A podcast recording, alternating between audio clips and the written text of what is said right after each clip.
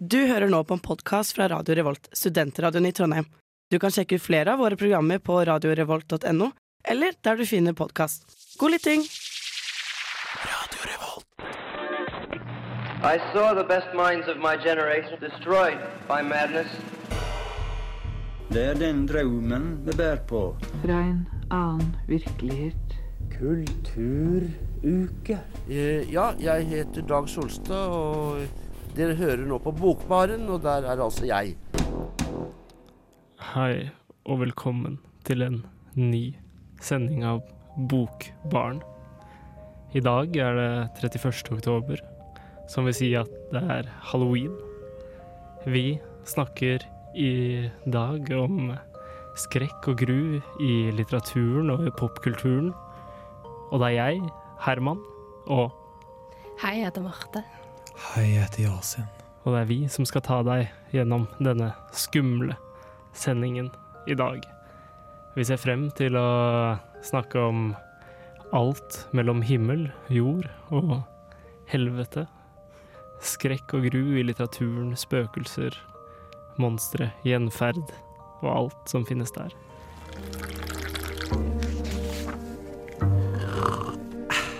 Du lytter til Bokbarn. I dag er det halloween, og det er jo noe som feires av eh, mange, populært blant eh, voksne studenter og barn. Hva er, hva er egentlig halloween? Er det Jeg vet jo hva halloween er, eh, fordi det har jo noe med Jeg gjetter som spanskstudent at det har noe med Cinco de Mayo å gjøre. Eh, At det er typ sånn eh, De dødes dag i Mexico og sånn. Cinco de Mayo, eller Dia del La Dia de Muertos. Sa jeg Cinco de Mayo? Å Er ikke det- nei! Eh, Og det det er jo også nærmer seg kveld i Trondheim, mener jeg iallfall, og jeg skylder på det. det var eh, ikke de særlig woke av deg, Yasin. Ja, det var veldig lite woke av meg. Jeg beklager til hele den latinamerikanske verden. Eh, nei, men eh, Dia de Muerte, og at man på en måte hedrer eh, forfedrene sine. Ja. Og at det på en måte har vært eh, noe som eh, Hvis jeg skal være enda mer rock, så kan jeg si at det er noe som ble appropriert til eh, eh, på en måte den kommersielle tingen vi kaller halloween i dag. Da. Mm. Det er jo også en, eh, en eh, kristen tradisjon vi har etter Allehelgens dag, som egentlig tror jeg faktisk feires 1. november, hvis jeg husker riktig. Eh, som da er en feiring av eh, alle unavngitte eller glemte helgener. Så det, jeg tror det er mange forskjellige kulturer som har mange varianter av en sånn dag å hedre de døde. Ja, det må jo være det. Det er jo veldig sånn forbundet med sånn skrekk og gru og sånn. Men det handler jo mye om sånn dødt og sånn. Og så som du sa, så har vi jo allehelgensdag i, i Norge. Og så, hva heter det på engelsk? All Hallows Eve. All Hallows Eve, ja. Mm. Ja. Og så er det ja, knyttet opp til spesielt irsk og på en måte keltisk, gaelisk eh, tradisjoner rundt eh, ja, både Hva heter det, sånn eh, høsttakke Ikke høsttakkefest, men eh, hva er innhøsting? Det er litt sånn høst... ja, innhøsting. tema. Ja. Ja. Og så har jo man da eh, ja, fått en sånn appropriasjon av, om vi skal kalle det det, en sånn amerikansk kommersialisert feiring som vi ser og har vært kritisert mye de siste ti årene. Kapitalismen har tatt eh, makten over konseptet. Jeg er, li- jeg er veldig stor fan av ordet appropriasjon, så jeg føler vi skal bare bruke det i den sendingen. Men ja, ja og det er på en måte, vi kan stille spørsmål er det profesjon, eller er det appreciation? Som er det fint engelske ord. At vi Ja. setter pris på det. Men det er jo Jeg, vanskelig jeg tenker iallfall eh, når på en måte Nille eh, driver og selger sånn gullgodteri, liksom, så er ikke det appreciation, mener jeg. Men eh, Nei. Det er appreciation å spise godteri, da.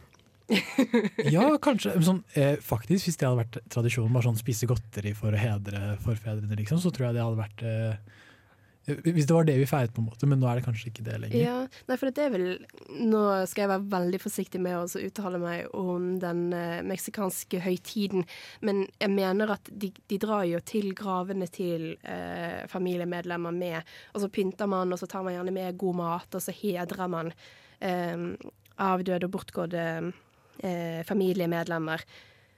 Men ja, vi, vi gjør ikke det så mye her, da. Det er jo mer en juletradisjon å dra på graver, så Er det å også selge masse godteri en Ja, god tradisjon? ja det, det, det er jeg ikke sikker på, men jeg, synes jeg, jeg husker at jeg synes da, jeg var, eh, da jeg var yngre, at jeg syntes det var sykt eh, Det var ganske gjevt med halloween. Mye gratis, eh, gratis godteri. Og så den derre Tror det er riktig som du sier med den eh, meksikanske høytidene. Jeg har i hvert fall sett Disney-filmen Coco, og det høres veldig riktig ut. Jeg elsker Coco, eh, mest fordi sangene er veldig kule. Men eh, i Norge så har vi kanskje ikke den samme tradisjonen for halloween som man har i en del andre land. Mm. Halloween er jo ikke nødvendigvis et norsk eh, ord heller, er det det?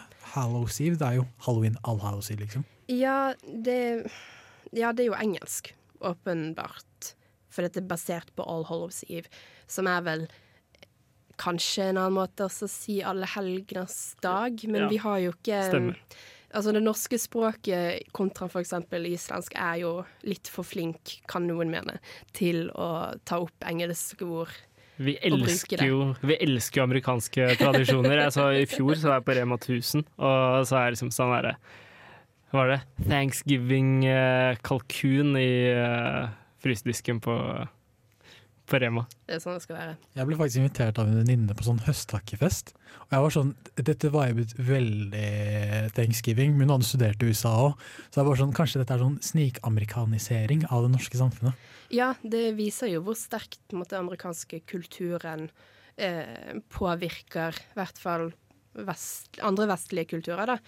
Og det er jo kanskje litt av måte, poenget òg. Det er mye makt i eh, såkalt soft power.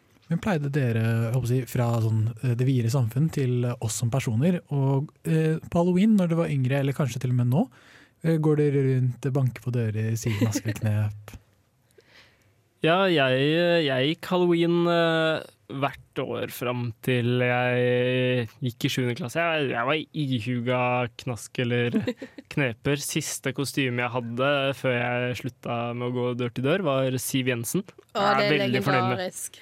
Høykvalitet. Hva med deg, Marte? Uh, ja, jeg prøvde også å gå litt knask eller knep. Hadde mange venner i nabolaget, så vi syntes det var gøy. Og jeg husker veldig godt Vi var vel kanskje ti eller noe sånt og kom opp på dørene, og så var vi i et nabolag med mange barnefamilier, men også ganske mange eldre mennesker som ikke var forberedt i det hele tatt. For det er ikke norsk greie. Det var ikke norsk greie. Og det var mye kritikk rundt det. det er sånn, Dette er en amerikansk ting. Dette her har ingenting med norsk kultur å gjøre. Dette her har vi ingen tradisjon for.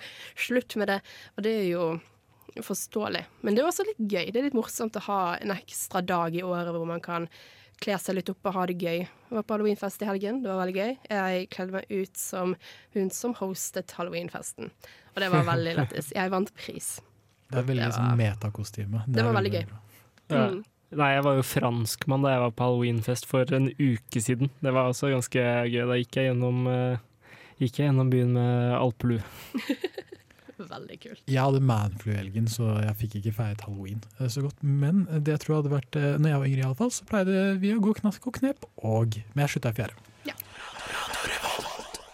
Vi, eh, vi skal snakke litt om eh, sk skrekk og grøsse, grøsselitteratur, ikke bare, bare om eh, halloween. Hva slags forhold har dere til eh, skrekklitteratur? Jeg synes Skrekklitteratur er jo et veldig sånn eh, bredt begrep, men for min del i alle fall, alt som handler om sånn magiske skapninger, enten det er demoner eller om det på en måte har med blod sånn, Alt som på en måte er litt sånn eh, supernatural. Mm. Eh, eller eh, Jeg vet ikke hva det er på norsk, men eh, supernaturlig. Eh, vet ikke. Overnaturlig, kanskje? Overnaturlig. er- Overnaturlig. Ah, det norske språket. ja. Men eh, det jeg ikke liker med skrekk, er alt som har med sånn psykologisk psykologiske ting å gjøre, for det er jo faktisk ekte. Mm. Og da blir jeg skikkelig psyka ut, så jeg klarer ikke å lese sånn psykologiske skrekkbøker eller, film, eller ikke se på filmer heller.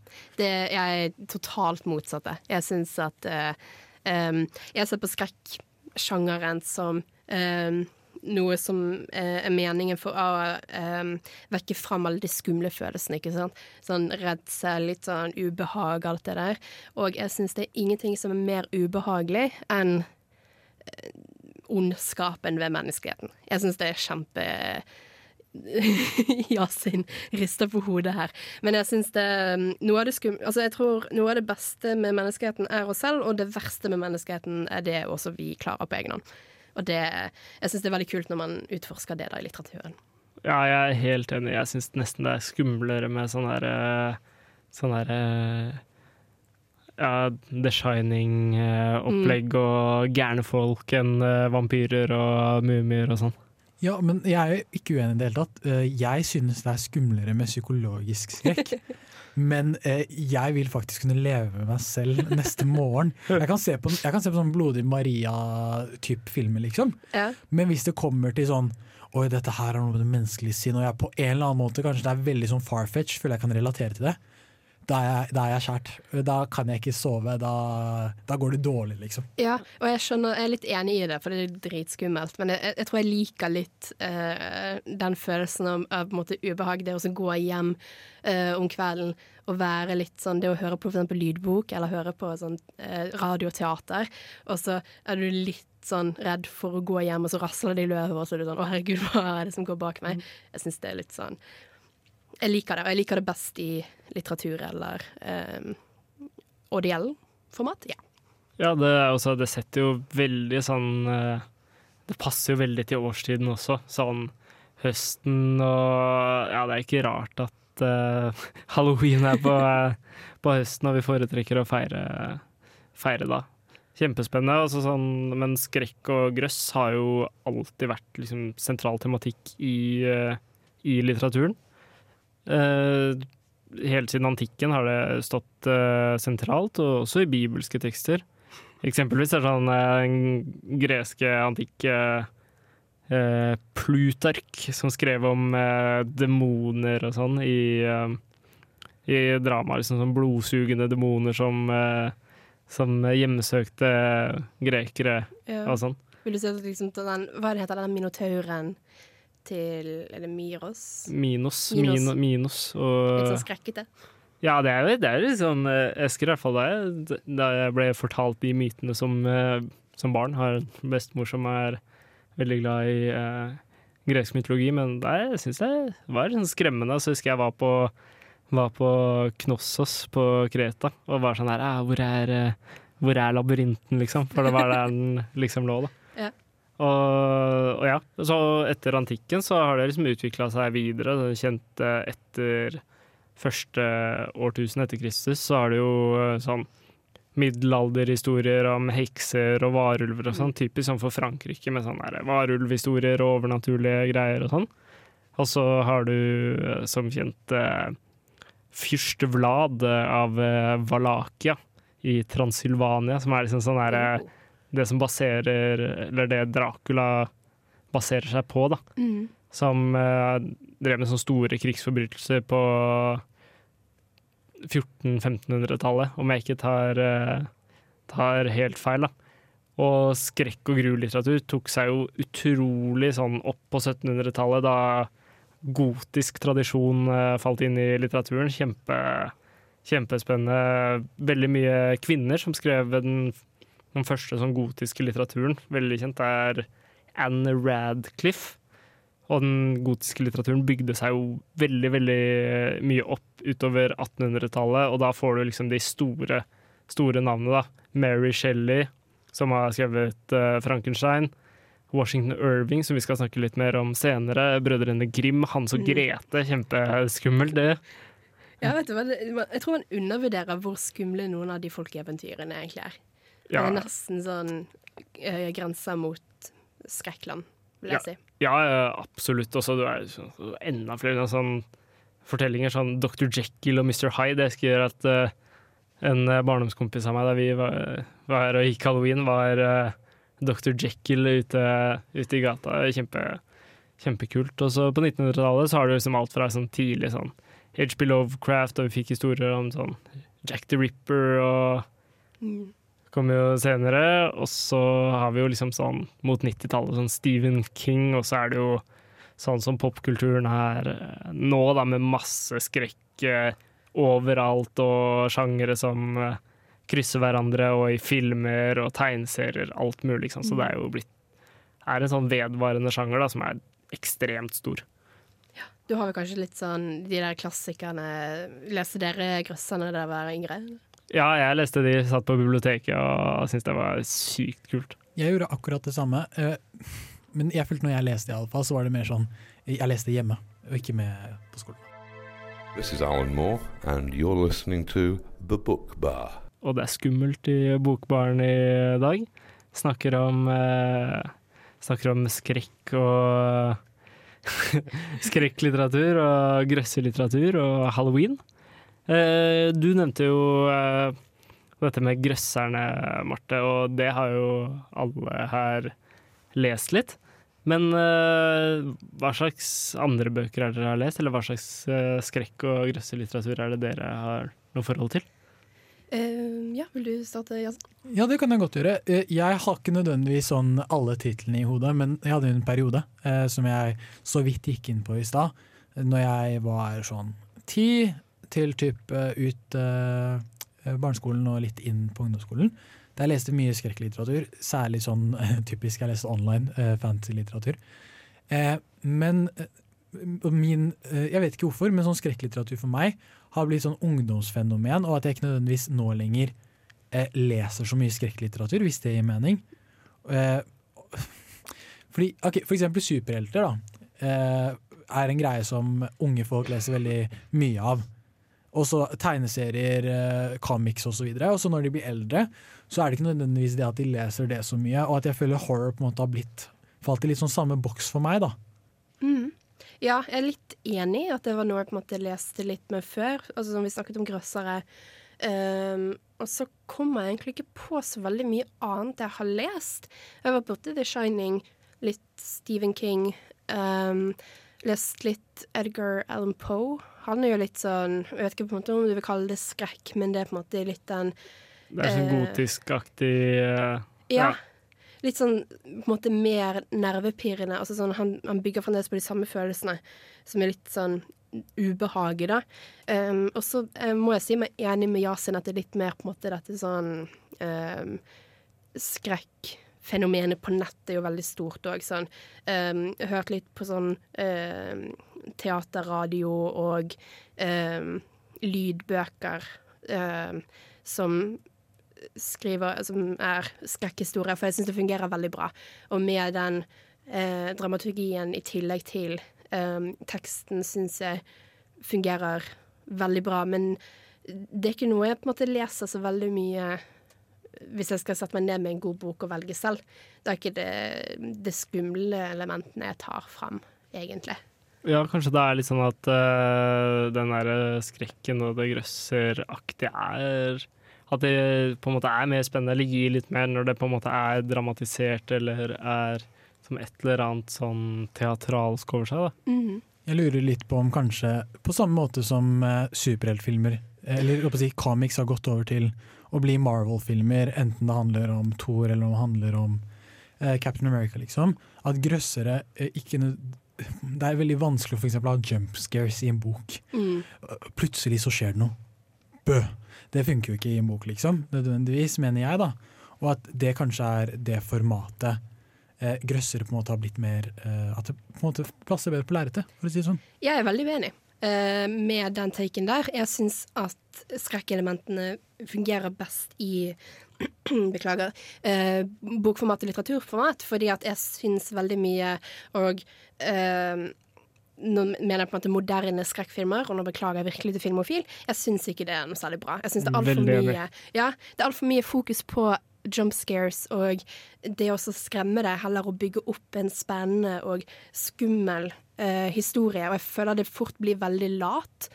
Og det får du ikke til, sånn som du sier i litteraturen. Så du er nødt til å bygge opp stemningen. Du er nødt til å forklare. Du er nødt til å eh, vise deskriptiv på en måte hvor ubehagelig det kan være.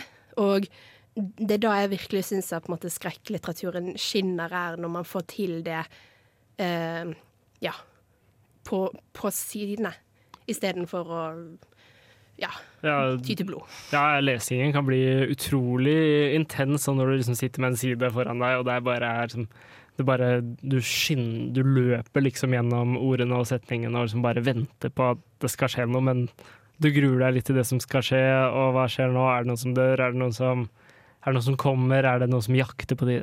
Er, for min del er det, kan det elementet være ganske spennende, og det går jo igjen i mange litterære sjanger også.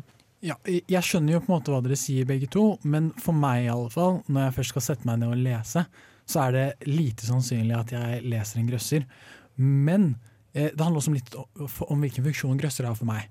Fordi når jeg faktisk leser en grøsser, eller når jeg faktisk ser en film, for det er jo det jeg gjør, jeg leser ikke så mye grøssere nå lenger, Mm. så er det kun fordi jeg vil få et adrenalinkick. Jeg går på fornøyelsespark for å få et adrenalinkick, og det får jeg av å se på en skummel film, enten det er Conjuring eller det er Annabelle, liksom.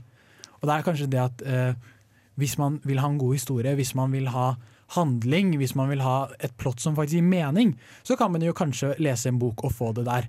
Men hvis du vil bli skremt og, sånn, og hjertebank på en helt annen måte, så mener jeg faktisk at sånn, eh, the imagery i filmer har en bedre evne til å gjøre det. Ja, kanskje det Ja, du, du, jeg syns du er inne på noe der, at hvis man ønsker å bli skremt, og det er jo ikke alltid Jeg syns ikke det er så veldig gøy. Jeg liker ikke å få hjertet i halsen. Jeg liker ikke den jumpscare-effekten.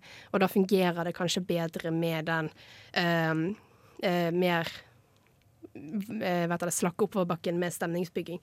Som for eksempel Jeg syns at The Shining er en utrolig god skrekkfilm. Sikkert fordi at den da er basert på en veldig god bok som kan det, og så bygge opp stemning. Hvor um, Ja, man, man er ikke avhengig av sånne jump scares for å Ja, skremme folk. ja, og så er den jo veldig sånn Den er jo veldig godt regissert, men det er jo også sånn herre de der, eh, For min del, når jeg på en måte leser noe som på en måte beveger seg innom den sjangeren her, da, Mm. så går jeg, jeg går jo litt til det overnaturlige, men også til det pirrende og intense, da. Ja. Jeg leste The Picture of Dorian Gray eh, her for eh, ja, halvannet år siden, eller noe sånt.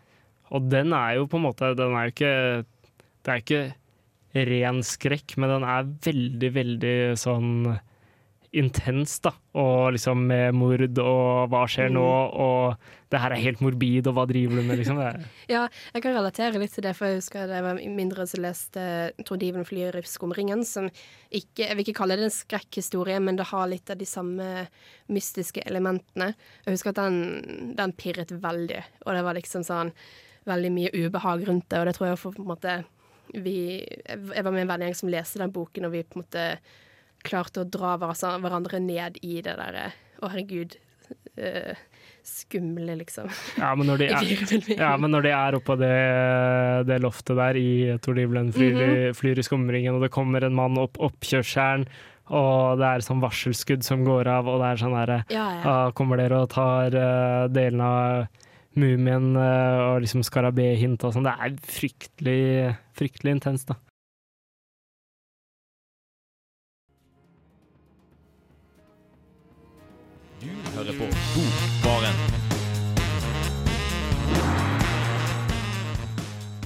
Det er eh, skummelt i Bokbarn i dag, er det ikke det? Meget skummelt. Ja, det, det er halloween, og det, er- og det er skummelt. Eh, På 1800-tallet, som vi snakka litt om i stad, da, da var det en skikkelig, skikkelig stor tradisjon med skrekk og gru i eh, litteraturen. Det gotiske eh, som sto på for fullt, og folk ga ut masse, masse, masse i forhold til eh, dette. Og det var liksom noe folk leste. Det var jo det overnaturlige litteraturen må jo ha vært utrolig spennende når du ikke hadde, hadde noe PC å se på eller noen skrekkfilmer å holde deg fast i. Eh, på 1800-tallet var det en amerikaner som het Washington Irving, som ga ut en, eh, ga ut en historie, en skummel historie, som heter eh, Legend of Sleepy Hollow, var det ikke? Mhm. Jo. Og den eh, tenkte vi at det hadde vært gøy å prate litt om nå. Det var en gang en mann med navnet Ikkabod som bodde i en liten by kalt Sleepy Hollow. I byen så hadde han to oppgaver. Han var lærer, og han var kormester. Han var med andre ord en viktig person. En dag så innser Ikkabod at den rikeste mannen i byen har en datter, som er alenebarn, og at hun faktisk ser ganske bra ut. Han, han bestemmer seg derfor for å legge an på henne. Til og for å få alle penga. Han tenker at denne planen er veldig lur. Det tenker jeg òg. Men det var bare ett problem.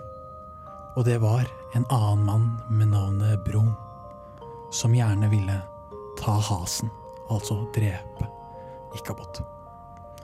Ikabod holder seg derfor litt sånn low-key. Han vil jo ikke dø. Men så skjer det noe lurt. Det er en fest hos denne jenta han vil legge an på, og som han legger an på. Og han er invitert. Han er jo invitert. Det er jo helt sykt. Derfor så kler han på seg, tar på litt deo og gjør seg klar for eh, en veldig kul fest. Men på festen så skjer det noe som han ikke forventet. Hun vil ikke ha ham. Hun dumper ham. Ikabod drar derfor hjem, gråtende hele veien, inntil han møter noe som heter The Headless Horseman. The Headless Horseman er faktisk et skummelt vesen. En soldat som antas å være fra borgerkrigen i USA. Ikke borgerkrigen, The Revolutionary War i USA. Ikabod prøver å komme seg unna, men når han tror han faktisk er trygg etter å ha prøvd å komme seg unna, så kaster The Headless Horseman noe på han, og Ikabod faller av hesten sin. Neste dag så skjer det noe veldig spennende. Ingen vet hva som har skjedd med Ikabod. De ser sporene fra hesten Ikabod var på, hatten til Ikabod og et gresskar. Og alle antar at The Headless Horseman har tatt ham.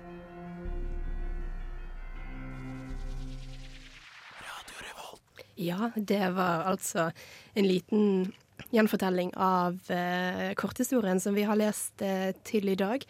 The Legend of eh, Shallow no, Sleepy Hollow. av Washington Irving. Jeg tok meg noen kreative friheter, og eh, jeg vet at alle, eh, jeg håper alle skjønner, at eh, det ikke fantes eh, deodorant på Men det er som eh, moderne tolkning av perioden. Ja, men det er som i moderne teater. Det er alltid en eller annen, eh, en eller annen twist. Noen hettegensere i Ibsen og noen mobiltelefoner i, Det er jo sånn i Ingmar Bergman. Ja, det er jo sånn litteraturen holder oss levende med å modernisere og nytolke, så det er stilig tolkning. Veldig gøy tolkning. Ja, veldig, veldig bra. Hva syns du, hva syns du om den, egentlig? Eh, Jeg eh, syntes den var eh, det er, det er litt problematisk, for jeg har sett hele serien. Den har blitt filmatisert. Eller den har, blitt, eh, den har kommet på Adaptert. Adaptert er ordet. Tusen takk. Eh, og der var det på en måte mer sånn mystikk. Det var mer supernaturlig. Mens eh, i dette verket så følte jeg Jeg fikk ikke på en måte de jumpscaresene jeg var på utkikk etter. da. Og at det påvirket litt. Ja, han får liksom bare Det er vel det at han ikke har eh, rir, eh, rir bort fra lovfesten, og så får han et gresskar i huet, og så forsvinner han, er det ikke? Veldig halloweenete. Ja. Det var litt skuffende, kanskje. For jeg, jeg ville ha noe sånn Jeg hadde jo faktisk ikke lest denne før jeg så serien. Så jeg så serien først og var sånn Oi, dette her kommer til å være magisk. Det kommer til å være eh, mye sånn kule, sånn magiske elementer. Mhm. Men det var jo på en måte ikke det. Eh, Det var kanskje ikke det forfatteren så for seg den historien heller. Da. Og, ja. Ja, men kanskje bruken av gjenferd hadde en litt større sånn sjokkeffekt på 1800-tallet, eller hvis du leste den her på tidlig på 1900-tallet, og så visste du liksom ah, legenden om eh, den hodeløse rytteren som liksom er ute i skogen her i USA. Så jeg tror hvis noen hadde fortalt meg som den legenden da jeg var mindre, at det liksom er en hodeløs rytter ute og går, så hadde jeg blitt redd. Ja, ja. Jeg husker jo godt sånn var på sånn hytteturer eller sånne sommerleirer, og så satt liksom leir eh, de som hadde ansvar, og så liksom fortalte sånne skumle historier. Det var kjempeskummelt. Men eh, jeg leste i Jeg fant en eh, lydbokvariant av eh, av denne korthistorien her, og det, det funket veldig godt. For da hadde de lagt på litt sånn stemningsmusikk bak, og eh, hadde fått noen andre til å ha eh, stemmen for de forskjellige karakterene og sånne ting. Så det, det hjalp veldig på å sette stemningen, det òg, å ha litt mer eh, Litt flere sanseopplevelser, antar jeg. Mm. Jeg håper de tok like mange kreative friheter som meg eh, i den. Det var kanskje litt uh, sannere mot uh, originalverket. Ok, det er bra. Men jeg reagerte litt på én ting som jeg lurer på om dere også reagerte på når dere leste. Og det er nemlig Jeg syns ikke denne historien eh, Eller når jeg leste den, så syns jeg synes jeg er relativt flink i engelsk. Jeg tror Jeg skal ikke skryte, men jeg fikk seks i engelsk på videregående. Jeg vet Eh, og jeg har lest ganske mye engelsk litteratur, men jeg, det var mange ord jeg ikke skjønte. Mm. Særlig sånn naturbeskrivelser og sånn beskrivelser av gjenstander man brukte på den tida. Og det gjorde eh, historien litt mer utilgjengelig for meg, da, at det var så, sånn språkbruk. Ja, og det er jo noe som eh, er en veldig stor debatt for tiden rundt måte, klassikere og gammel litteratur, er hvordan eh, språk og spesielt liksom, historisk og kulturell kontekst forsvinner litt. For det er mye man ikke har like god peiling på nå, og det er jo noe man kanskje må ja, eh, lese mer i skolen. Jeg vet ikke, på en måte demokratisere gammelt verk. Men det er jo liksom det å sånn der, lese originalverket, eller skal man modernisere språket? Mm. Og det er jo en sånn evig debatt eh, også i norsk litteratur, f.eks. i de nyeste utgavene av Hamsun. Der er det liksom utgitt med modernisert språk, og det er jo mye av det som er mye av det som er vanskelig. Jeg har hørt om eh, danske filosofistudenter som foretrekker å lese Søren Kirkegård på engelsk fordi at den eh, danske originalversjonen er så vanskelig. Men eh, det her er jo Det med oversettelser av klassikere er jo en hel sending. Åh, det kan vi jo ta. Vi skal jo ha en klassikersending om noen uker. Kanskje vi skal ta det opp da? Ja. Kanskje. Absolutt. Magnus, jeg fant en skikkelig kul ny bok. jeg. Hysj! Du kan ikke snakke du kan høre på Bokbarn hvis du har headset. Vi eh, har fortsatt halloween-stemning her i Bokbarn. Bokbaren, og har uh, prata litt om uh, sli, uh, The Sleepy Hollow. The legend. Of Sleepy Hollow. Legend of Sleepy Hollow. Vi har jo lest litt mer, en litt kortere og litt eh, humoristisk vri på eh, skrekk og grøss. Vi har eh, lest A Ghost Story av eh, den amerikanske forfatteren eh, Mark Twain. Mark Twain er jo kjent som en av de store, store amerikanske forfatterne. Jeg tror Hemingway sa at eh, det finnes eh, Hva er det det finnes som at det finnes ingen amerikanske romaner som ikke tar utgangspunkt i, eh, i Tom Sawyer. Mm. Og det er jo eh, ja, Det er jo på en måte stort å si, og Hemingway ga jo mye, mye lit til eh, til eh, den godeste Mark Twain. Men Mark Twain skrev ikke bare Tom Sawyer og Huckleberry Finn. Han skrev også A Ghost Story, som vi har lest. Og i den så møter vi en fyr som sjekker inn på et hotell i New York. Ja, i, Brooklyn. På Broadway, er det ikke det? På Du, det kan være at er feil. Det kan være Broadway. Ja. Det er på Broadway. Jeg beklager. Nei, men det er en, en fyr som sjekker inn på et hotell på, på, på Broadway. Uh, skal, sliten, skal legge seg til å sove. Er litt sånn uh, skummel eh, stemning eh, på, på rommet. Sliter med å sovne. Eh, det bygges liksom Eller ja, eh, det bygges opp en veldig stor sånn skummel skrekkstemning i, eh, i rommet når han skal legge seg. Hører elefant, eh, tramp og alt mulig. eh, ja, veldig sånn eh, Veldig skummelt. Ja, for at han får jo I hvert fall på begynnelsen så får han uh, dynen sin trukket av seg, og så, så drar den opp igjen, og så blir den dratt ned, og så blir den dratt opp igjen. Før han på en måte skjønner at kanskje ikke det er helt normalt. Uh, og så begynner han å innse at oi, her var det litt mer Kanskje noen andre i rommet enn bare meg. Ja. Så det er jo veldig skummelt. Ja, det er som sånn derre Ja, i hvert fall sånn, hvis, du, hvis du hører noe sånt, det er liksom sånn ja, Nå skjer det noe, det er noen i rommet. Ikke sant? Sånn der, litt sånn eh, intens stemning. Bygges opp og bygges opp. Mm. Og så plutselig så kommer det, kommer det inn et spøkelse da, i eh, rommet til eh, denne mannen som liksom ligger og venter på at det skal skje. da. Og det som er liksom morsomt, da, eller det som liksom, der det liksom oppstår satire i, i denne korte historien, er jo liksom når eh, et spøkelse presenterer seg som at det er gjenferdet av The Cardiff Giant. Ja. Og The Cardiff Giant er liksom Det er en stor sånn eh, Hva heter det på engelsk? Hoax? Det er liksom noe tull. ja som poltergeist Nei, kanskje ne ikke det. Nei, det er sånn der de fant liksom Det er liksom en myte om at de fant Eller det er sånn fake uh, Fake liksom sånn der uh, menneskekropp, sånn der stor uh, Stor giant, da. Ja. Kjempe. De som fant en kjempe i USA som liksom sto på forskjellige museer og sånn, da. Og så sier jo denne skikkelsen sånn der ah, jeg er spøkelse av The Cardiff Giant som står på museet på andre siden av gata. Og så, og så ender det opp med at han er som sitter her. Ja, men eh, hvordan, eh, hvordan går det an når den ekte Cardiff Giant står i en annen by? Og så er det sånn derre ja, Så er det liksom ikke spøkelse til noen, da. Ja. Så er det ganske, ganske morsomt. Da. Det blir liksom sånn lattermild Mm. avslutning på det hele.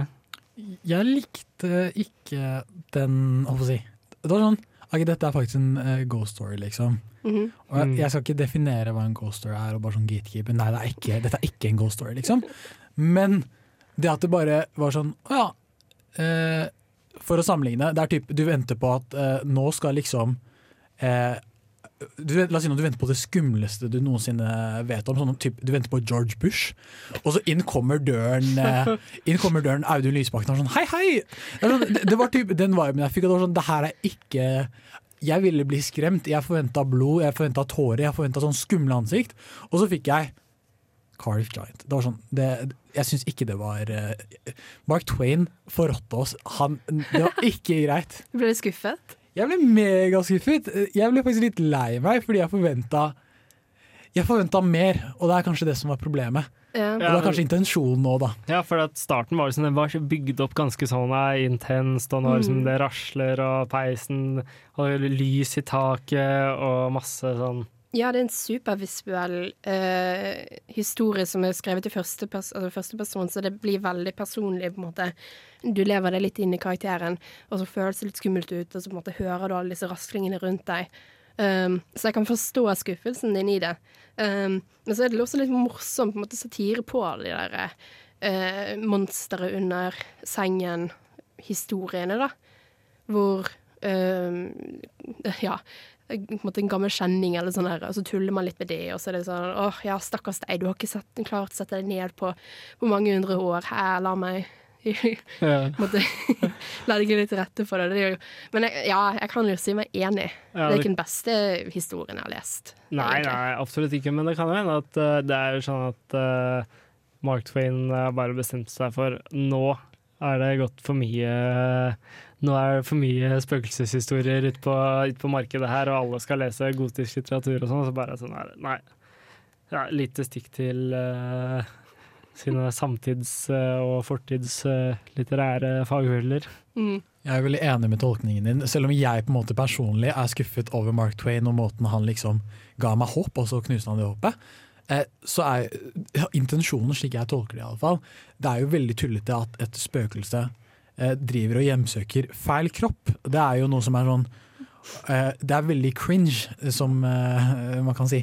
Eh, og det på en måte eh, Du ufarliggjør hele greia, og det er nettopp eh, ønsket om å kanskje bli skremt, mener jeg iallfall, som er essensielle. Og når man ufarliggjør noe, så tar man jo altså Gjennom denne historien så tar han fra eh, skrekken det essensielle ved skrekk.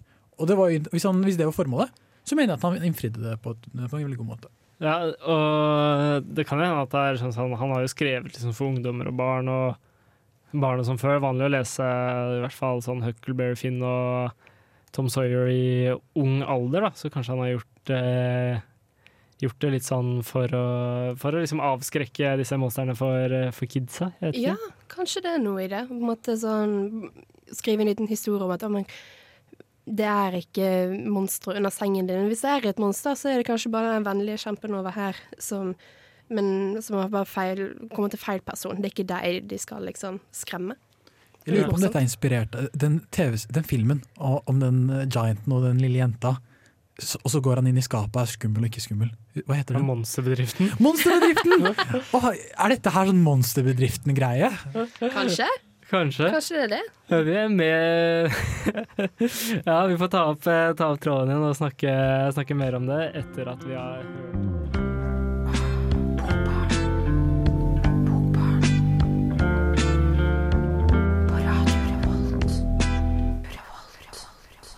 Vi har jo, nå har vi presentert eh, to ulike, to ulike skumle 1800-tallshistorier som vi ble veldig, veldig skremt av. Superskremt. Tror jeg vi er ganske enige om. Ja. Ja. Og selv om disse historiene rystet oss ordentlig og satte oss i humør for eh, halloween som det er i dag, må vi kanskje diskutere de litt også, sammenligne og se på de mot hverandre. Litt komparativ analyse i studio. Hva, hva tenker dere? Hva, hvilken var best, og hva skiller, og, hva skiller de? Jeg har et kriterium. Eh, Det er sånn, Hvilken er skumlest? Og jeg mener dette skrekk, og da er det hvilken som er skumlest, som er best. Og for meg så er det veldig innlysende. Det er jo selvfølgelig ingen av dem. Og ingen av dem var Jo, men hallo! Jeg er helt enig. Ja, men det er sånn, eh, jeg, ser, jeg leser ikke barne... Eller jeg ser ikke på barne-TV for å bli underholdt. På samme måte hadde jeg ikke lest disse to tekstene her for å bli skremt. Ja, litteraturen har sin hensikt. Mm. Nettopp. Nei, jeg er for så vidt enig. Eh, jeg vil ikke si at noen av de var særlig skumle, og at de gjorde noe. Men eh, og jeg på en måte kan sette pris på satire, og jeg kan sette pris på humor, men jeg er litt sånn mm, det, det funket ikke sånn kjempebra for meg. Hvis vi skal sammenligne disse to opp mot hverandre og hvilken liker best, så likte jeg best Legend of Sleepy Hollow. Det er på en måte litt mer um, stemningsbygget. Men jeg tror også jeg syns det er litt uh, Jeg liker på en måte uh, historier som er litt sånn småby, eh, litt sånn gamle dager. um, urban legends, den type viben, da.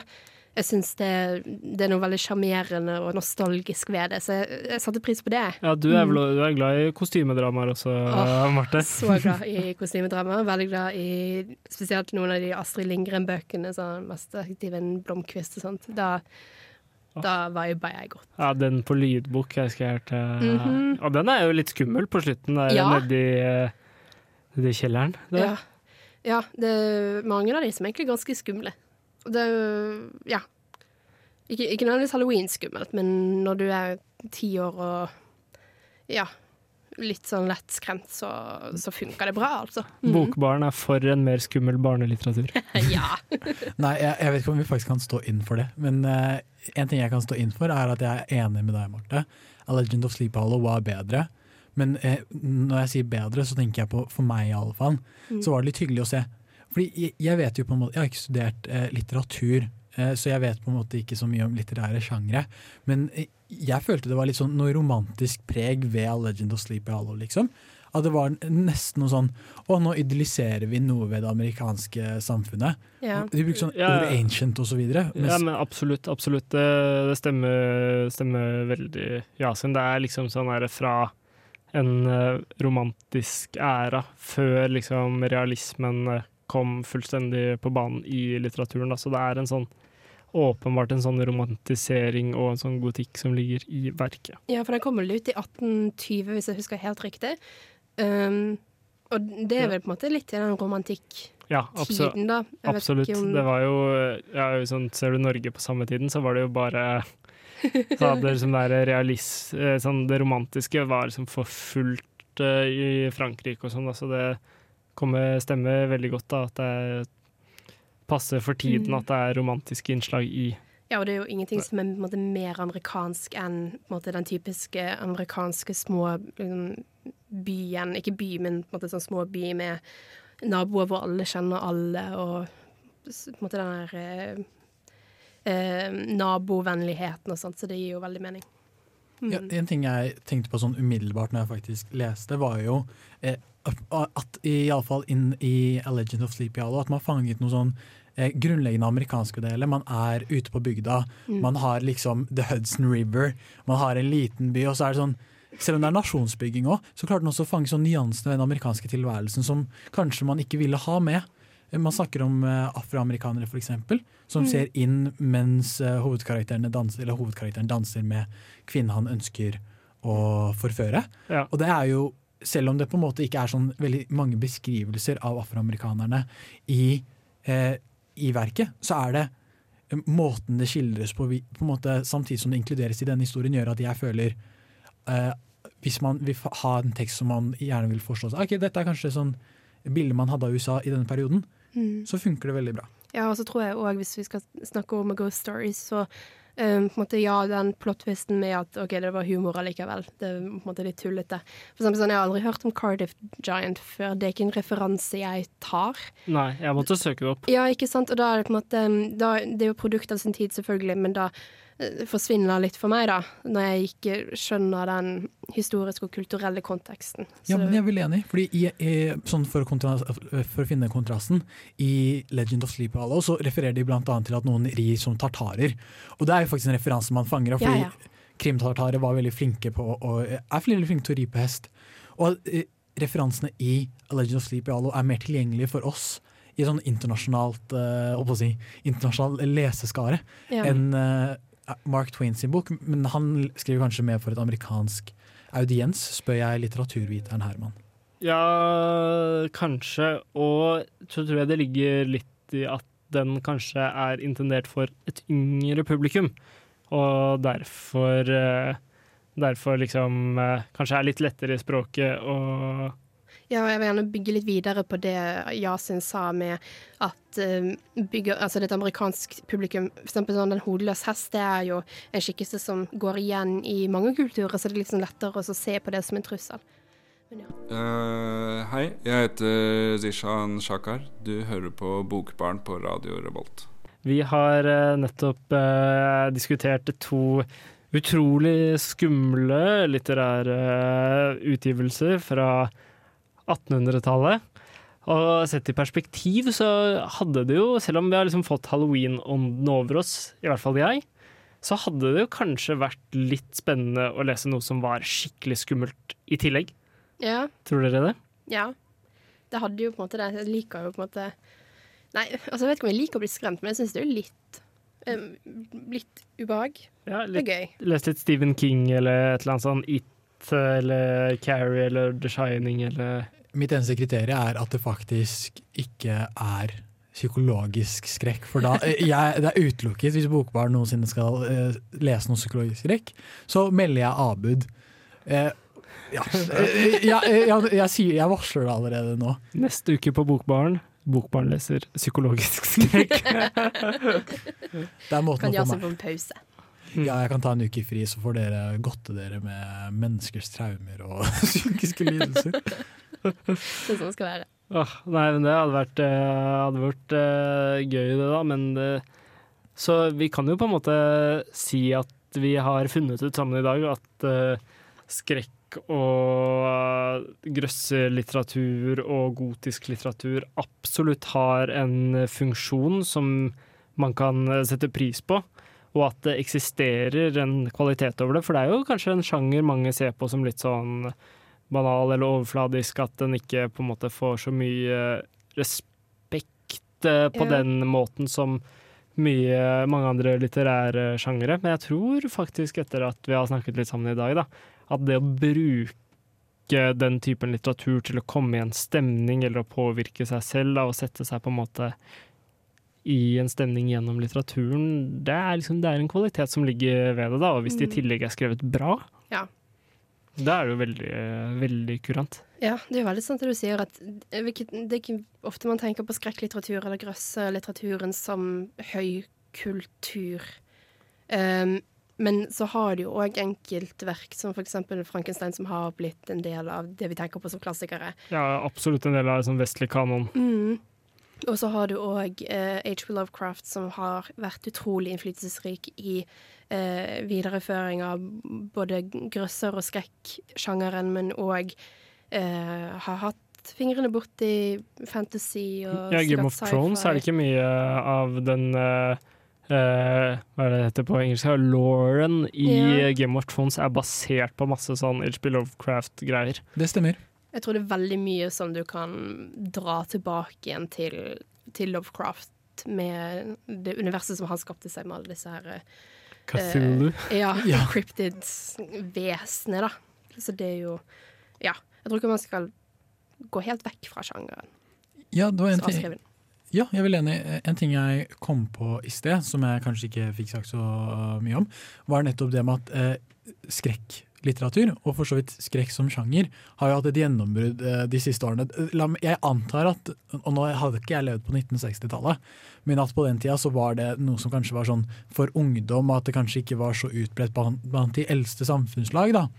Og at nå er det noe du kan lese når du er 75 eller når du er 45, og at det på en måte ikke er noe rart ved det. Mm. Og at den utviklingen vi har sett med skrekklitteratur og skrekkfilmer osv., eh, på samme måte eh, kommer til eh, syne med eh, utviklingen i vår tid med superhelter. At vi liksom ser at sånn Marvel-filmer og comics på 90-tallet var veldig lavkultur, men nå er det på en måte noe som har blitt alminneliggjort til eh, de brede samfunnslag, liksom. Ja, det er ikke noen nisje lenger, det er liksom popkultur.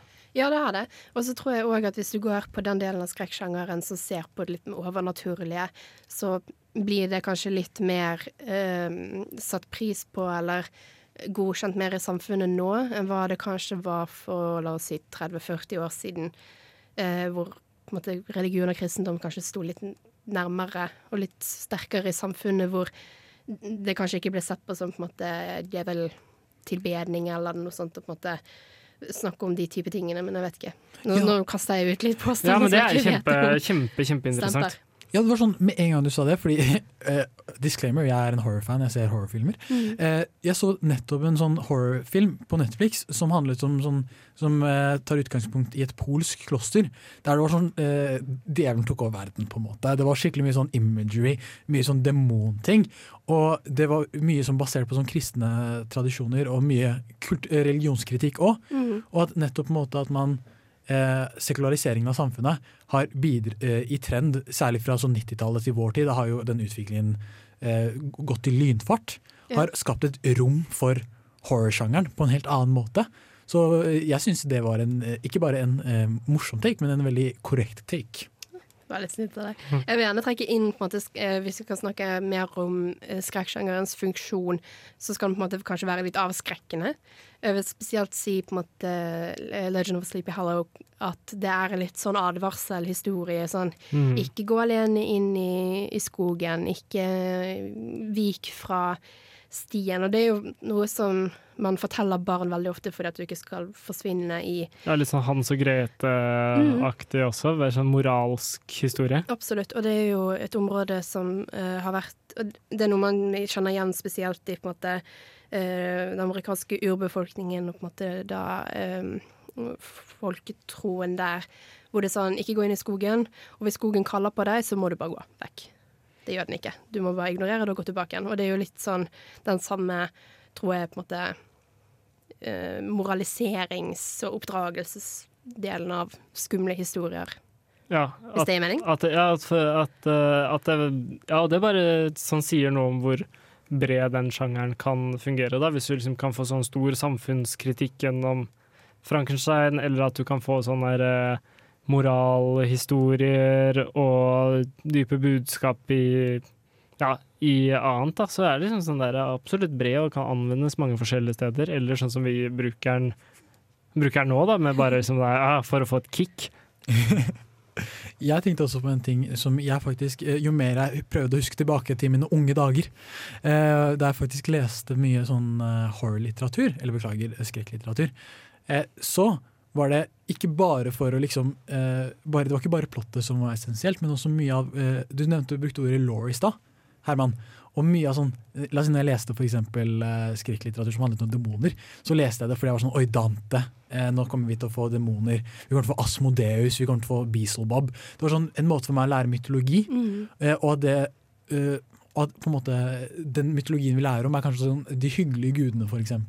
Og eh, det her er sånn Afrodite, bla, bla, bla. bla med sånn eh, det nitty-gritty, demonene, de skumle historiene som på en måte ofte blir dyttet ned i mytologien, kommer kanskje til uttrykk eh, i, eh, sånn, i skrekklitteratur. Ja. Ja, for det mytologi og religion er, Det er jo mye på en måte moral rundt det, og på en måte livsregler. Så tror jeg på en måte det å ta med disse mytologiske og religiøse bildene inn i litteraturen, og at det er på en måte med på denne her eh, oppdragelsesreisen. Ja, absolutt. At det liksom er sånn der eh, sånn, I hvert fall i forhold til kristendommen, da, med sånn eh, alle mulige sånn demoner Eller djevelen. Det var liksom sånn Ja. her, Hva med djevelen? Som var djevelen kommer og tar deg, eller vet ikke, islam som shaitan, bare at det er liksom sånn demoner og djevler som bare ja, kommer og etter deg.